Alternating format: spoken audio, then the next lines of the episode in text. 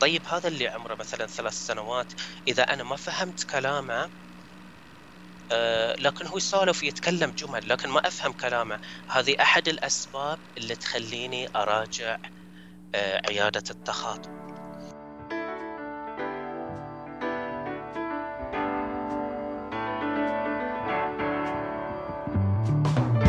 أنا بسمة باحميد أهلا بيكم في الموسم الثالث من بودكاست مظلة. أحس مرة بغرابة بس لكن بفرح لما أقول كلمة الموسم الثالث لأني أتذكر نفسي لما بدأت البودكاست وكان لسه في الموسم الأول كان عندي تساؤل هل في مواضيع كفاية إنه أنا أستمر في هذا البودكاست؟ فشكرا لأفكاركم واقتراحاتكم وأنا مرة ممتنة إنه البودكاست وصل لهذه المرحلة لا تنسوا تعملوا سبسكرايب وفولو للبودكاست. حيجيكم تنبيه أول ما تنزل حلقة جديدة. وتشاركوا الحلقات مع اللي تعرفوهم. هذه الحلقة بعنوان طفلي لا ينطق.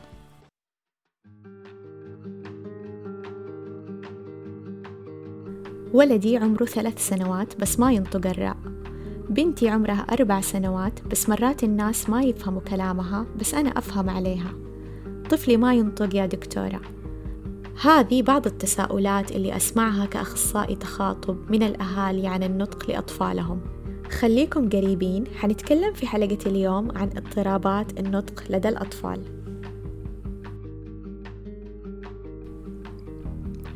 ضيف الحلقة الأخصائي سعيد إبراهيم الزويد أخصائي تخاطب بمستشفى الجبر للعيون والأنف والأذن والحنجرة بالأحساء منذ عام 2006 خريج جامعة الملك سعود كلية العلوم الطبية التطبيقية تخصص علل النطق والسمع نشط في مواقع التواصل الاجتماعي وله العديد من الفقرات التوعوية في مجال النطق والتخاطب والتربية.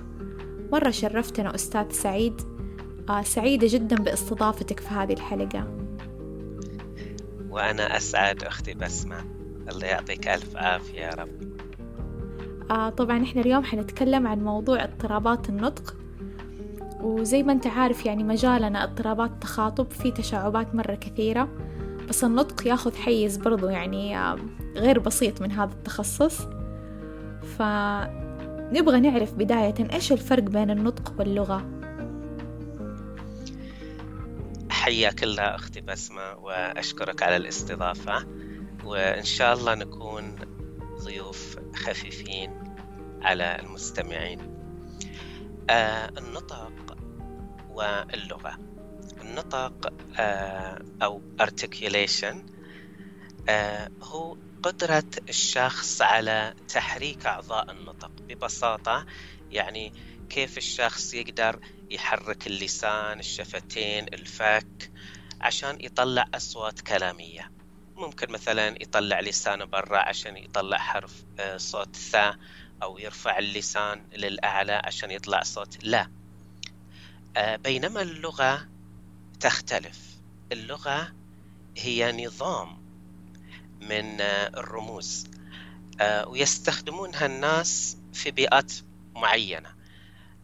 وهذه اللغة تتكون من أصوات وكلمات أيضا فيها جمل وقواعد وتتفرع إلى أشياء أخرى مثل آه، أصوات وصرف وكذلك نحو ومعاني وأيضا فيها توظيف اجتماعي. يمكن هذه نقطة مرة مهمة لأنه ما أعرف إذا أنت زيي ولا لأ بس مثلا آه، نسمع كثير مثلا من بعض المراجعين أو الأهل اللي يجون أنه مثلا ولدي ما ينطق. بس آه، بعد أخذ مثلا العديد من الأسئلة والمعلومات عن الحالة نكتشف إنه الموضوع مو بس نطق. أصلا ممكن لا توجد لغة أو تكون اللغة ضعيفة. فإيش اللي يجي أول دايما نطق أو لغة؟ متى نقدر نقول إنه هذه؟ يمكن هم مرتبطين يعني أو كثير من حالات اضطرابات النطق يجي معها ممكن يكون اضطراب أو تأخر في اللغة. فعلا أستاذة بسمة هو هذا تعبير الأهالي إن أول ما نسألهم إيش الشكوى عند الطفل يقولون إنه ما يتكلم أو ما ينطق آه، الحروف. آه، طبعا آه، بخصوص مين يأتي؟ النطق أم اللغة؟ الكبير يأتي أولا. اللغة حاجة كبيرة جدا. بينما النطق حاجة أصغر من اللغة. اللغة تحتاج مجهود كبير عشان يتعلمها الطفل. النطق يعني مجرد أصوات آه، أما اللغة هي أصوات وكلمات وجمال وأسئلة وقواعد وأشياء كثيرة. بعبارة أخرى النطق هو كيف نقول أما اللغة إيش نقول؟ فماذا هي أهم من كيف؟ يعني حنا نعبر عن اللغة من خلال الكلام. الكلام هو وسيلة للتعبير عن اللغة. الكلام هو وعاء للتعبير عن اللغة. لو آه، حبيت أشبهها ممكن أشبه اللغة بالطعام بينما الكلام بأدوات الطعام. فأيهما أهم؟ الطعام أم أدوات الطعام؟ مرة عجبني التشبيه. أيضا. أي بالضبط. يعني نتخيل مثلا طفل آه، عنده مئة كلمة لكن فيها أخطاء في نطق الأصوات. وطفل آخر عنده كلمتين لكن ما فيهم أخطاء. آه، أي الطفلين أستطيع أتواصل معه أكثر؟ بالتأكيد اللي عنده مئة كلمة وعنده أخطاء في نطق الأصوات. آه، فهذا يعني اللي يخبرنا مين يأتي أولا النطق أم اللغة.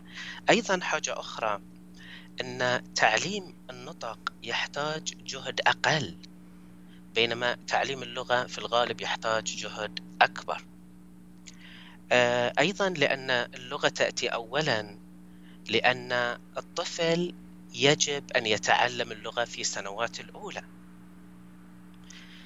أيضا من الحاجات اللي تخلينا نقول أن اللغة أولا أن اللغة مطلوبة أكثر عشان آه، تحفز نمو الدماغ التركيز التفكير الذاكرة مقارنة بالنطق. فنحتاج اللغة أكثر اللغة تأتي أولا. آه، حتى أستاذ سعيد جاء في بالي نقطة وأنت تشرح. آه، سبحان الله النطق يمكن يعني يتطور يتطور في السنوات الأولى ويوصل عمر معين نلاقي الشخص ما شاء الله خلاص عرف كل ينطق كل الأصوات في اللغة.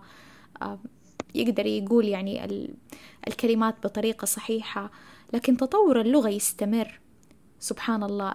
إلين يمكن مرحلة المراهقة أو البلوغ وإحنا نكتسب أشياء جديدة في اللغة مفردات جديدة وكلمات جديدة وطرق تعبير جديدة أكيد. فعلا فعلا أستاذة بسمة هذه من الحاجات اللي تخلينا أن يعني ننظر للغة آه، وإن كان كلا الاثنين مهم إلا أن اللغة هي أهم بكثير من آه، النطق. طيب خلينا نيجي على مخارج الأصوات للأطفال تقريبا يعني في مرحلة الطفولة المبكرة. نسمع كثير مرات مثلا آه، طفلي عمره مثلا ثلاثة سنوات ما يقول صوت الراء أو مثلا طفلي عنده صوت الغاء ما يقوله كويس أو الأصوات المفخمة في اللغة العربية. فإيش تقريبا المتوقع آه، لوضوح مخارج الأصوات عند الأطفال في مرحلة الطفولة المبكرة؟ خلينا نقول من عمر يعني مثلا سنتين إلى خمس سنوات. أكيد حتكون تختلف. آه، بالفعل. طبعا الطفل بداية عشان يتعلم نطق كلمات يتعلم الكلام. يحتاج آه، أن أول حاجة يتعلم كيف ينطق هذه الأصوات. رقم اثنين يتعلم النظام الصوتي. كيف ينطق الأصوات نقصد بها كيف ينطق الباء تا دا كا يعني كيف يحرك أعضاء النطق عشان يطلع أصوات معينة. هذه مهارة مطلوبة عشان يتكلم. رقم اثنين هذا ما يكفي. رقم اثنين لازم يكون عنده النظام الصوتي متطور أكثر. إيش نقصد بالنظام الصوتي؟ النظام الصوتي يعني إيش الأصوات اللي موجودة عنده في قاموس اللغوي؟ آه، وكي وكيف يقدر يدمج هذه الأصوات مع بعضها؟ البعض عشان يطلع كلمات. مثلا بسمة لو قلت أنا كلمة مثلا أمبريلا تدريجيا آه، منطقيا نعرف أن هذه الكلمة مو في لغتنا لغة ثانية ليش؟ لأن عندي نظام صوتي من خلال النظام الصوتي هذا أعرف أن هذه المفردة هي الحروف هذه والأصوات اندمجت مع بعض عشان تشكل كلمات موجودة عندي في قاموس اللغوي. فالطفل من صغره يعني وهو صغير ما يكون عنده نظام صوتي كبير. إضافة إلى أن الأصوات اللي يصدرها قليلة. لكن آه، كل ما كبر أكثر زادت هذه الأصوات تعقيد أكثر. لذلك في المرحلة العمرية من سنتين إلى خمس سنوات. وبما أن الطفل في هذه المرحلة يعني آه، صارت مفرداته كثيرة يعني قرابة الخمسين كلمة أو أكثر. معناها صار عنده أصوات أكثر ينطقها ومعناها صار عنده تطور أكبر في نظام الصوتي. فكثير من الأصوات الكلامية تظهر في هذه المرحلة العمرية آه، ونسبة وضوح الكلام ترتفع من 25% إلى 100% آه، عندما يصل عمره إلى أربع سنوات. بخصوص الأصوات اللي تطلع طبعا الطفل بداية يتعلم الأصوات الانفجارية أو أصوات الوقف زي مثلا با تا دا كذلك الأصوات الأنفية ما نا. هذه يكتسبها مبكر مقارنة بالأصوات اللي نسميها الأصوات مثلا الاحتكاكية زي مثلا آه، إس إش آه، ففي أصوات تكتسب في مرحلة مبكرة أصوات تكتسب في آه، في النص أصوات تكتسب في مرحلة متأخرة. فمثلا في الأصوات اللي تكتسب في مرحلة متأخرة ممكن نقول الطا الضاء را مثلا.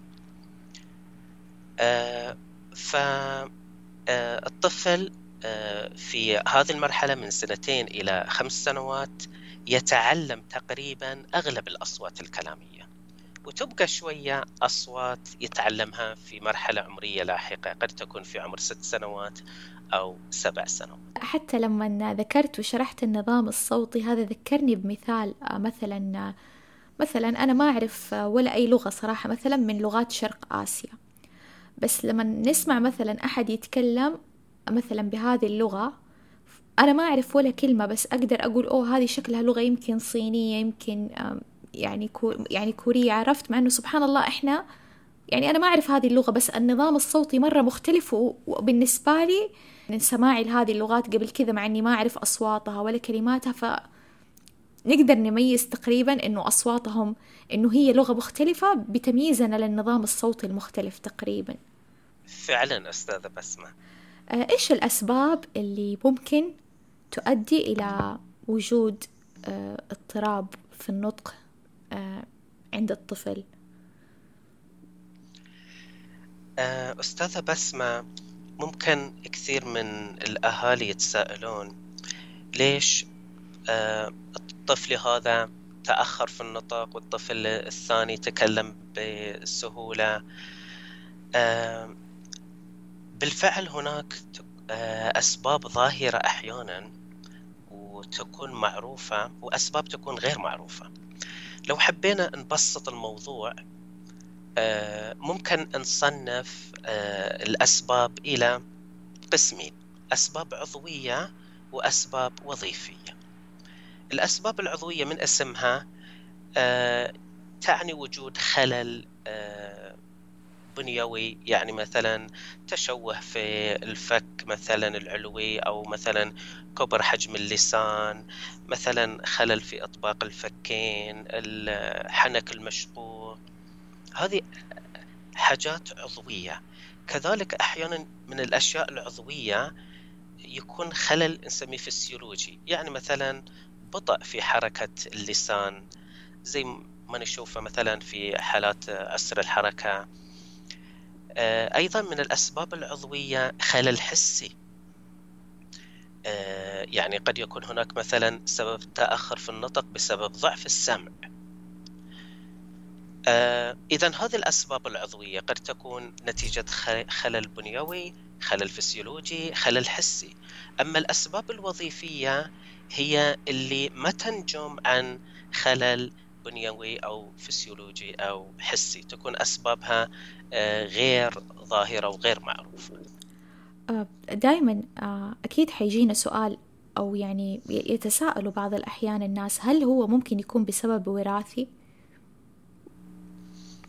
فعلا الوراثة من الأسباب والبعض يدرجها تحت الأسباب الوظيفية يصير أحيانا مثلا آه، أطفال في أسرة ممكن يتأخرون لأن الأب متأخر في النطق لأن الأم متأخرة لأن الجد متأخر في النطق ففعلا الوراثة أحد الأسباب اللي تؤدي إلى تأخر في النطق آه متى نقدر نقول إنه هذا الطفل يحتاج مراجعة أخصائي تخاطب يمكن عنده يكون آه مشكلة في النطق؟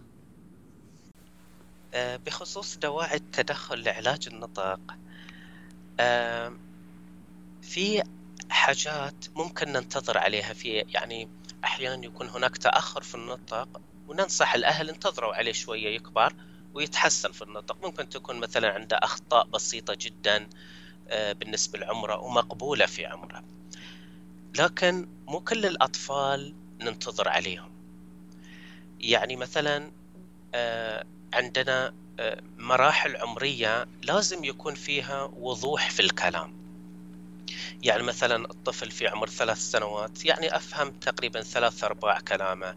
الطفل في عمر أربع سنوات مثلا أفهم كل كلامه حتى لو عنده أخطاء في النطق لكن يصير كلامه مفهوم. طيب هذا اللي عمره مثلا ثلاث سنوات إذا أنا ما فهمت كلامه آه لكن هو يسولف ويتكلم جمل لكن ما أفهم كلامه هذه أحد الأسباب اللي تخليني أراجع آه عيادة التخاطب. أيضا إذا كان الطفل عنده أخطاء كثيرة جدا في مخارج الأصوات مقارنة بالأطفال في العائلة ألاحظ أخطاء كثيرة جدا. آه، في ذي الحالة أيضا أراجع عيادة تخاطب قد يكون هناك سبب عضوي. قد يكون عنده مشاكل في الإذن مشاكل في أعضاء النطق. تستدعي تدخل. ممكن كأخصائي تخاطب يعني يكون حل مثلا في البداية مع الطبيب وبعدين يحتاج آه، أخصائي تخاطب. أيضا إضافة لعدد الأخطاء آه، نوع الأخطاء. في أخطاء إذا لاحظناها في النطق ما في فايدة أني أنتظر لازم أسوي تدخل. مثلا من الأخطاء اللي ما يحتاج أنتظر فيها مثلا حاجة نسميها اللثغة اللي هي الطفل يخطأ في آه، حروف الصفير اللي هي سا صا زا آه، ممكن يطلعها بالشكل التالي. ثا صا يطلعها جانبية. آه، فهذه ال ال ال ال الأخطاء هذه الأفضل أن نراجع فيها عيادة ولا ننتظر. آه، لأنها الأخطاء هذه مو من الأخطاء آه، اللي مع النمو. في أخطاء مع النمو نتقبلها في أخطاء ليست بسبب آه، النمو. أيضا الحاجات اللي تستدعي مراجعة عيادة التخاطب إذا كان انطباع الأهل عن الطفل أن الطفل هذا متأخر مقارنة بأفراد الأسرة. يعني لو سمعنا مثلا ملاحظات كثيرة من الأهل ليش طفلكم ما يتكلم؟ ليش الحروف آه، ما ينطقها؟ فإذا سمعت كذا ملاحظة آه، أخذها بعين الاعتبار. ما يصير أقول لا يكبر ويتكلم يكبر تتصحح حروفه. ممكن هاللي أعطاني هذه النصيحة ممكن يكون آه، معاه حق. أيضا إذا كانت هناك مشاكل عضوية يعني مثلا تشوهات في الفك في أعضاء النطق هذه يحتاج نراجع فيها الطبيب. الطبيب بعدها يقرر إذا آه، يحتاج الطفل متابعة في عيادة التخاطب. يعني هذه أبرز الأشياء اللي ممكن نأخذها بالاعتبار. يعني ما يصلح أمشي على القاعدة العامة اللي تقول آه، ننتظر على مخارج الحروف إلى عمر سبع أو ست سنوات. مو كل الأخطاء ننتظر إلى هذا العمر. في نوع من الأخطاء لازم نعمل تدخل مبكر عشان إذا في لها سبب عضوي أو سبب ظاهر ممكن علاجه مع آه، الفريق المختصين آه مرة أسباب يعني صراحة مرة مهم إنه نأخذها بعين الاعتبار مثلا درجة وضوح الكلام نوع الأخطاء. يحتاج في البداية إذا نبحث عن السبب. آه، نبحث عن السبب اللي آه، خلى هذا الصوت ينطق بهذه الطريقة. طيب أستاذ سعيد كيف ممكن آه، من وجهة نظرك يعني نبغى نختم بهذه الجانب يعني من الموضوع. كيف ممكن إحنا كأشخاص محيطين بالطفل سواء من أسرة أخوان أقارب أصدقاء كيف ممكن ندعم تطور نطق سليم للأطفال بالذات الأطفال الصغار يعني حتى من عمر مبكر جدا؟ جميل جدا أستاذة بسمة. من الحاجات آه، المهمة أن الأهل يعرفون كيف يساعدون آه، أطفالهم على اكتساب النطق السليم للأصوات الكلامية. آه، بشكل عام التواصل مع الطفل يحسن نطقه. آه، التواصل طبعا له أشكال كثيرة. ممكن يكون من خلال اللعب من خلال مثلا تصفح كتاب معه من خلال الأناشيد. من خلال كثرة الكلام معه كثرة دمجه مثلا مع الأطفال. آه، أيضا من الحاجات المفيدة طريقة الكلام. نفس أسلوب كلامنا مع الطفل يأثر في آه، قدرته على إنتاج الأصوات الكلامية. إذا صرت مثلا أتكلم معه بطريقة هادئة بطريقة شوية بطيئة هنا أساعده أكثر أنه يطالع فيني ويقلد آه، طريقة نطقي للكلمات وللأصوات. كذلك من الحاجات آه، اللي نسميها خاطئة آه، أن الأهل يستمرون في الكلام مع الطفل بطريقة مبسطة. آه، يعني في حاجة نسميها الكلام الموجه للطفل. هذا ممكن حنا نتوقف عن استخدامه في عمر أقل من سنتين لكن بعض الأهالي يستمرون في استخدامه. يعني يكلمون الطفل دائما بجمل قصيرة بكلمات مكسرة آه، ما يسمون الأشياء بأسمائها أحيانا. ممكن يقول على السيارة بيب مثلا على الأكل هام. هذا ما يساعد الطفل على اكتساب أصوات جديدة.